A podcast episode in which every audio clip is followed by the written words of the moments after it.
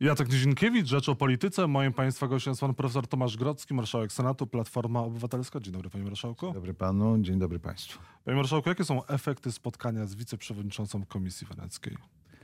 E, Komisji Europejskiej. Komisji Europejskiej, tak. E, Czy efekty to polegają na tym, że e, po pierwsze ustaliliśmy jedną rzecz bezdyskusyjną, że fundamenty wolnego świata i fundamentalne wartości wspólnoty europejskiej, w której jesteśmy, między innymi poszanowanie praworządności, są nienaruszalne. Mhm. I nad tym, nad tym nie było dyskusji.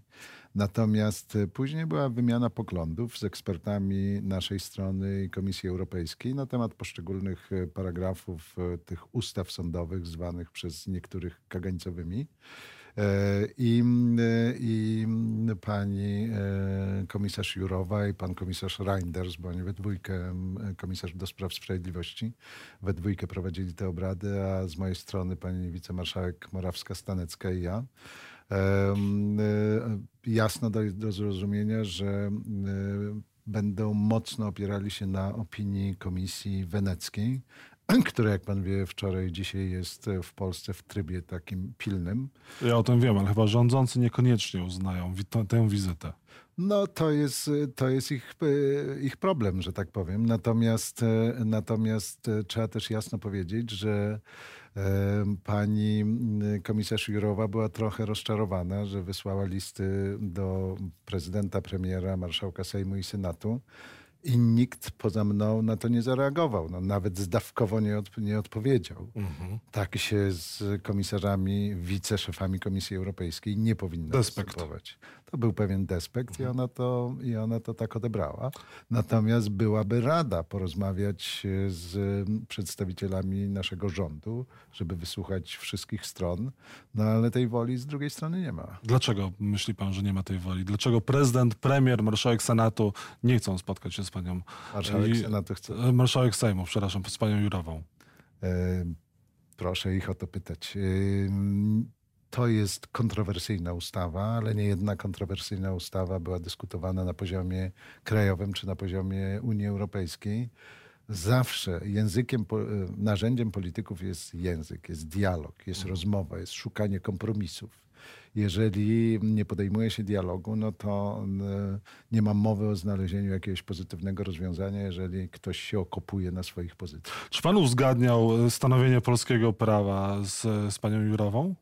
Nie, to była wymiana poglądów i to była debata na poziomie eksperckim. I, e, i e, uważam, że to była niezwykle owocna wizyta, bo, bo dowiedzieć się, jak na kwestie praworządności w Polsce, a padło zdanie z ust komisarza Reindersa, że od czterech lat przyglądają się temu, co się dzieje z praworządnością w Polsce i ich to coraz bardziej niepokoi.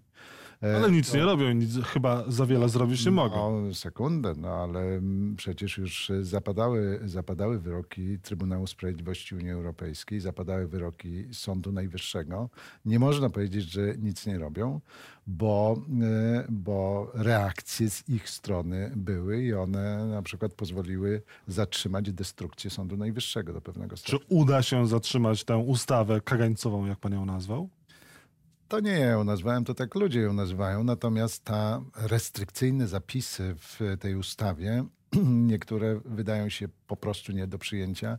Na przykład tryb wyboru e, pierwszego prezesa Sądu Najwyższego. Tam jest 120 uprawnionych do głosowania, a w trzeciej turze może tą osobę wybrać, mogą wybrać 32 osoby, czyli absolutna mniejszość. Dobrze, ale jak zatrzymać te, w takim razie te, te przepisy, tę ustawę? Jak nie doprowadzić do tego, żeby one nie weszły w życie? Ma pan jakiś pomysł? E, Senat, jak pan wie, ma swoje możliwości i swoje ograniczenia, ale proszę pamiętać, że jak ustawa wróci w tym czy innym kształcie, czy będzie odrzucona i wróci do Sejmu, a potem podpisze ją prezydent, to Komisja Europejska e, zapewne się do niej odniesie. Jak pan wie, e, może sugerować Trybunałowi, może wnioskować do, do Trybunału Sprawiedliwości Unii Europejskiej o tak zwane zabezpieczenie, czyli niewykonywanie tej ustawy. Mhm. A poza tym musi pan wiedzieć, że, że I to mówił i prezydent Macron, i takie są oficjalne przymiarki budżetowe w Unii Europejskiej. Budżet środków unijnych będzie uzależniony od przestrzegania praworządności. A to oznacza, że państwa, co do których są wątpliwości, że tej praworządności nie przestrzegają, dostaną rodzaj upomnienia. Naprawcie praworządność, dostaniecie środki unijne, bo to nie jest tylko kasa z pieniędzmi, tylko to jest wspólnota wartości. I albo te wspólne wartości przyzwoitości, praworządności, poszanowania przyrodzonej godności człowieka, tolerancji, albo wszyscy respektujemy, albo nie. I to jest, jest dla Polski mnie to martwi jako marszałka Senatu, jako patriotę, bo to dla Polski jest gigantyczne niebezpieczeństwo i nie wiem, czy ludzie, którzy o tym decydują, zdają się tego mm, nie rozumieć, czy to lekceważą, ale sytuacja naprawdę nie wygląda zbyt wesoło. To może doprowadzić do takiego prawnego polexitu, przyjęcie tej ustawy? Tak twierdzą niektórzy, bo, bo jak pan spojrzy na to, co się stało z Trybunałem Konstytucyjnym, co się stało z KRS-em, e, jakie były próby zamachu na Sąd Najwyższy, to, to, to wydaje się ostatnim układankiem w puzzlu, który może doprowadzić do prawnego polexitu. Bo z drugiej strony wszyscy wiemy, 80% ludzi wie, że prawo, że wymiar sprawiedliwości w Polsce trzeba reformować. Mhm oczekiwanie na sąd musi być krótsze, opłaty niższe, sędziowie zwolnieni z części czynności, które mogą robić kto inny, notariusze, asesorzy i, i tak dalej to wszystko do tego jest pełna zgoda, ale po czterech latach tak zwanego reformowania, no zamiast efektów pozytywnych mamy efekty negatywne, bo kolejki się nie zmniejszyły, opłaty sądowe wzrastają, sędziowie są traktowani w haniebny sposób dyscyplinarnie za to, że przestrzegają wyroków TSUE i Sądu Najwyższego. I dlatego Platforma przedstawi swój projekt naprawy wymiaru sprawiedliwości? Przedstawimy senacką inicjatywę legislacyjną, to znaczy projekt nowej ustawy o Krajowej Radzie Sądownictwa. Ale to samo ma Kiedy ten projekt poznamy? On będzie prawdopodobnie, on ma swoją ścieżkę legislacyjną, wysłuchanie społeczne i tak dalej i prawdopodobnie pod koniec lutego na, na posiedzeniu plenarnym Senatu będzie procedowany. Pan nie ma złudzeń, że tak naprawdę Senat nie jest w stanie zablokować tych zmian, które Prawo i Sprawiedliwość wprowadza? No oczywiście, że, że znam możliwości, znam ograniczenia Senatu. Możecie tylko blokować to na Ale... krótki czas. To znaczy, to nie chodzi o blokowanie. Jak pan y, widzi, wiele ustaw przez Senat przechodzi gładko. Natomiast y, w tych, w których rządząca demokratyczna większość y, Senatu widzi niebezpieczeństwo dla Polski, czy widzi zagrożenie praworządności, czy inne kontrowersyjne rzeczy, takie ustawy no, nie będą przez Senat przechodzić, będą odrzucane. Mhm. No ale później wrócą do Sejmu i tak Sejmie.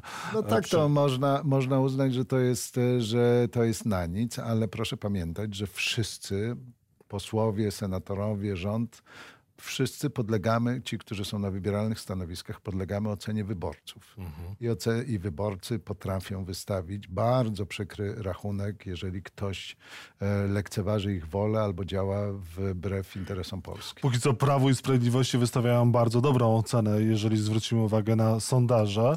A, I też e, przedstawiciele Prawa i Sprawiedliwości, jak również rządzący, mówią, że pan tak naprawdę e, no nie wiadomo kogo reprezentuje, bo jest jeden ośrodek, władzy, a pan jakby stanowił alternatywny ośrodek władzy teraz. Całkowicie temu zaprzeczam.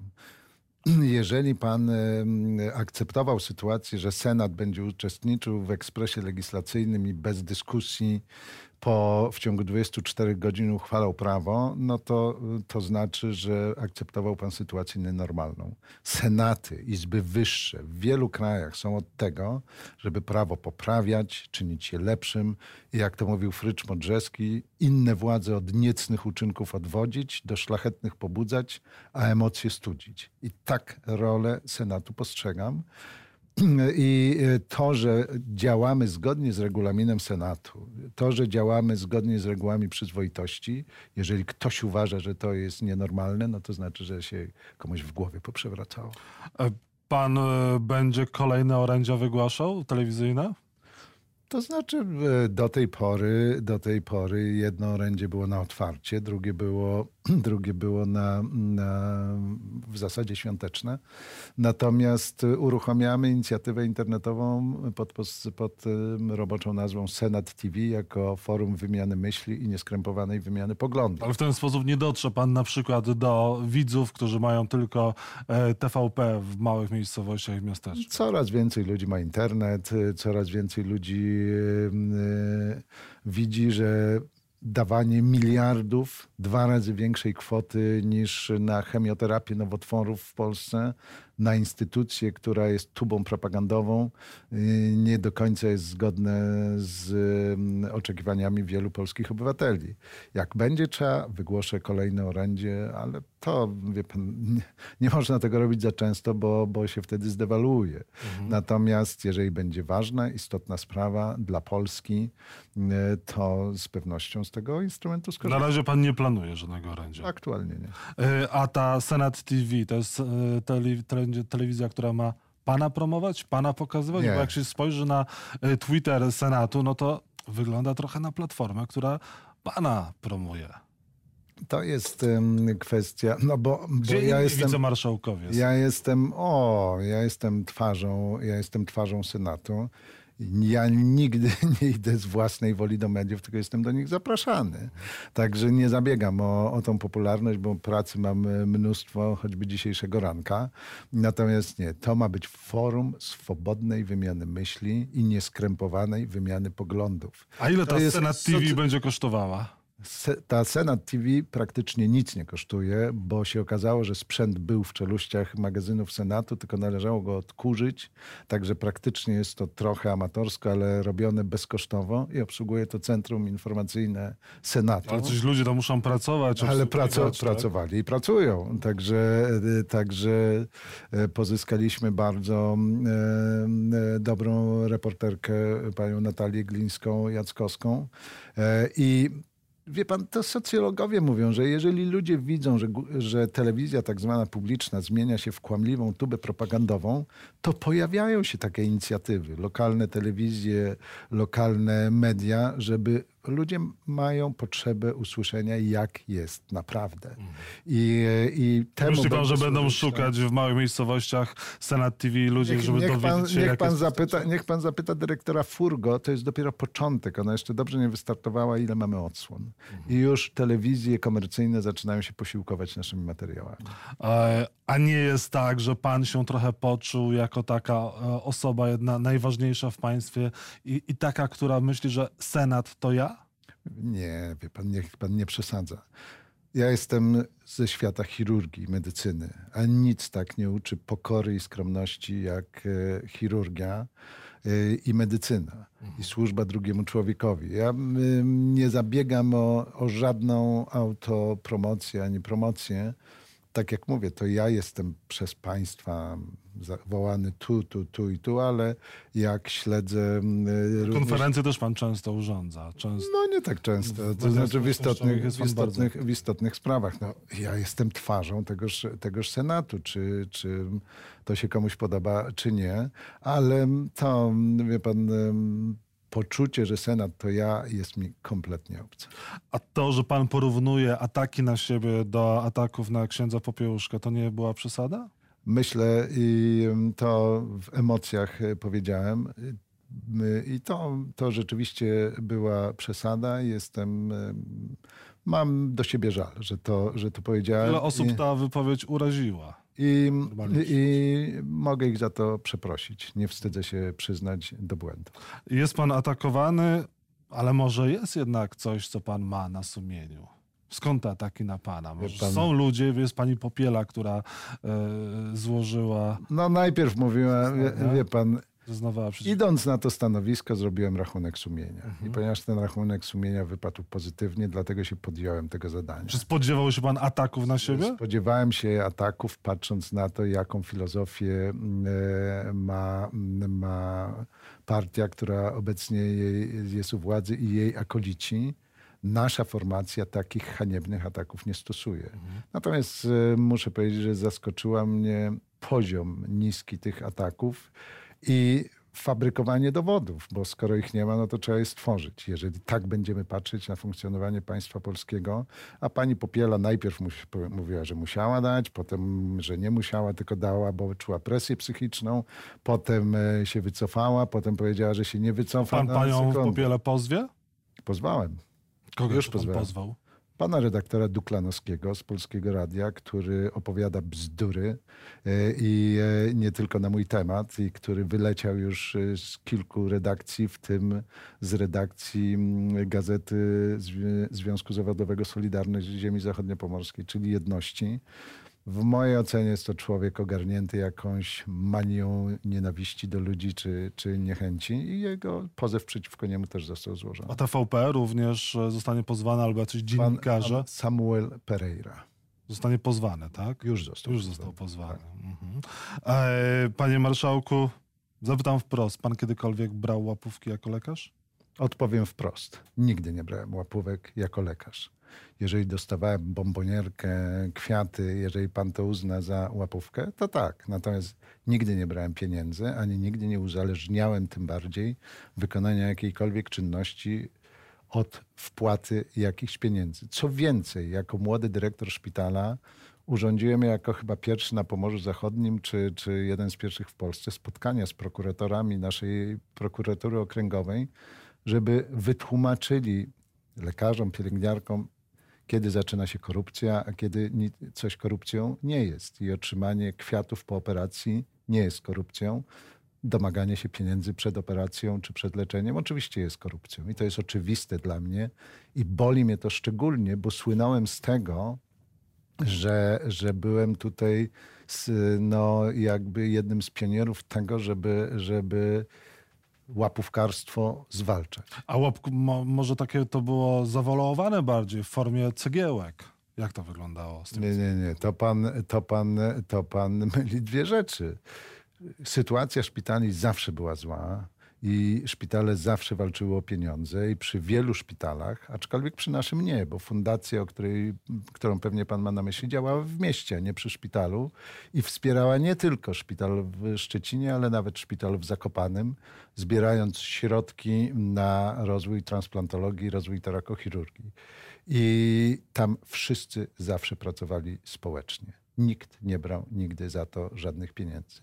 Natomiast takie wspieranie typów, typu wpłaty na fundację, typu jakieś cegiełki, to pan spotka w co drugim polskim szpitalu. A pan namawiał do tego, żeby wpłacać na fundację albo podpisywać właśnie takie cegiełki, kupować cegiełki? Pan, to tych cegiełek to u nas, te cegiełki to u nas były może miesiąc czy dwa, bo ja nie podobała mi się ta idea, do której wówczas ówczesne władze promowały w Polsce. Natomiast logo fundacji, konto fundacji wisiało na tablicy ogłoszeniowej i tyle. I, i, i ludzie, instytucje wpłacali pieniądze. A pan uzależniał przeprowadzenie e, zabiegów operacji, przyjęcie pacjentów od wpłacenia pieniędzy na fundację lub wykupienie tych cegiełek? Niech mnie pan nie obraża. Powtarzałem, że nigdy nie uzależniałem od jakiejkolwiek wpłaty gdziekolwiek E, e, czy do mnie, czy na fundację wykonania jakiegokolwiek zabiegu. To jest, to jest dla mnie po prostu obraźliwe. Te osoby, które się teraz odzywają, które TVP przepytuje i nawet CBA wystąpiło o, o, to, żeby zgłaszali się ci, którzy kiedyś dawali może łapówki. A to jak pan to odbiera?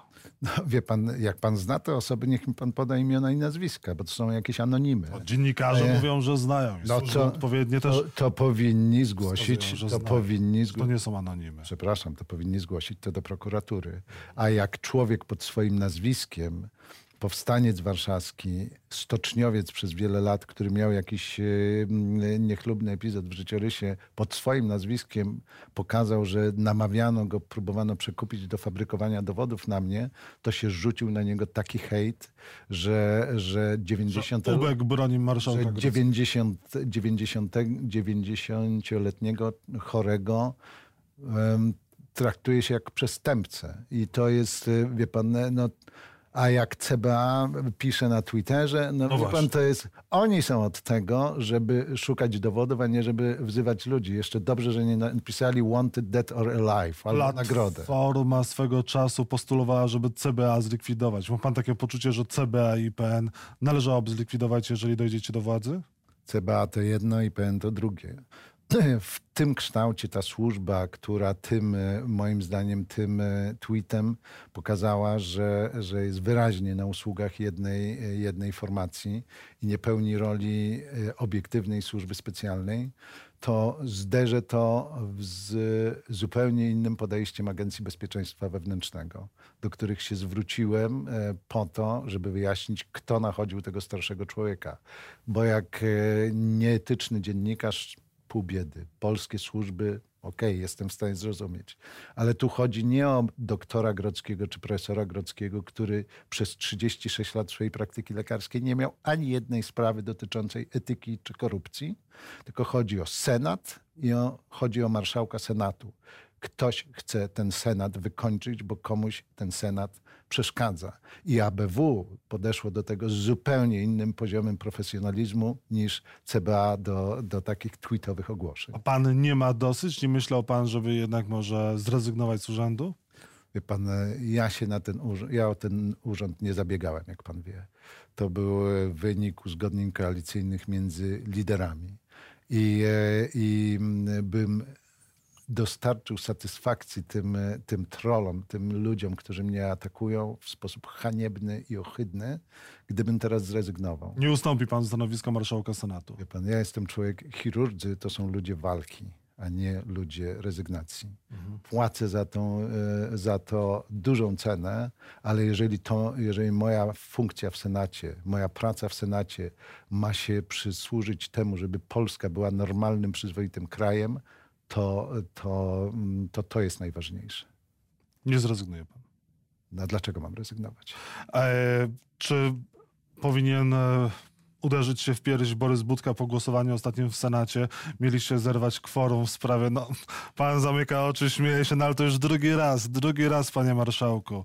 E, Platforma zawiodła w trakcie głosowania. No, to są, to są rzeczy, które nie powinny się zdarzać. Wie pan, to... Już drugi raz w takim krótkim czasie. No więc, więc to nie powinno to mieć miejsca. Ale co, Borys Budka powinien przeprosić? Wie pan to, czy przeprosić, czy nie, po, powinien, powinien podjąć działania, żeby taka sytuacja nigdy więcej nie miała miejsca. a Wcześniej nie- miał podjąć działania. Jak tak dalej pójdzie, to przepuścicie, będziecie, zagłosujecie za ustawą kagańcową. Dobrze, dobrze. Ja Jestem, Ale w tą stronę to idzie, panie marszałku. Ja jestem marszałkiem Senatu i, i za to odpowiadam. Natomiast y, no, przypuszczam, że to jest bardziej fakt medialny, bo, bo ta sytuacja pewnie zaraz jakiś dyżurny pisawiec by zgłosił wniosek o reasumpcję, czy o przerwę, czy coś w tym rodzaju. Natomiast to także to byśmy zyskali może 15 minut, a nie jak ludzie mówią. Kilkanaście pogubiliście się troszkę. Pogubiła się. Nie, no dwie osoby się, dwie osoby nie dostały, nie wiem, czy komunikatu, czy sygnału, czy kolega im nie powiedział. Nie byłem na tym głosowaniu, natomiast, natomiast to, to jest embarasujące. Musimy kończyć. Czy prezydent Andrzej Duda powinien pojechać do Izraela? Prezydent Andrzej Duda zapędził się w kozi róg i w tej chwili ma wybór między opcją złą i gorszą. Opcją złą byłoby y, pojechanie do Izraela, ale y, opcją gorszą jest y, odwrotnie, przepraszam. On teraz, czy pojedzie do tego Izraela, czy nie pojedzie, to są oba, zła wyjścia, oba złe wyjścia. Moim zdaniem, gdybym był prezydentem Dudą, to bym zaprosił prezydenta Putina na obchody Auschwitz do Polski i gdyby Putin nie przyjechał, wtedy gra byłaby odwrócona. To Andrzej Duda miałby argumenty. A w tej chwili to jest no, mm, ewidentna wtopa jego kancelarii odpowiedzialnej za sprawy międzynarodowe. Nie chcę używać słowa polskiej dyplomacji, bo o ile wiem, to bardziej kancelaria to aranżowała. Profesor Tomasz Grodzki, marszałek Senatu, był państwa i moim gościem. Dziękuję bardzo, panie senatorze. Dziękuję bardzo. Dziękuję Państwu.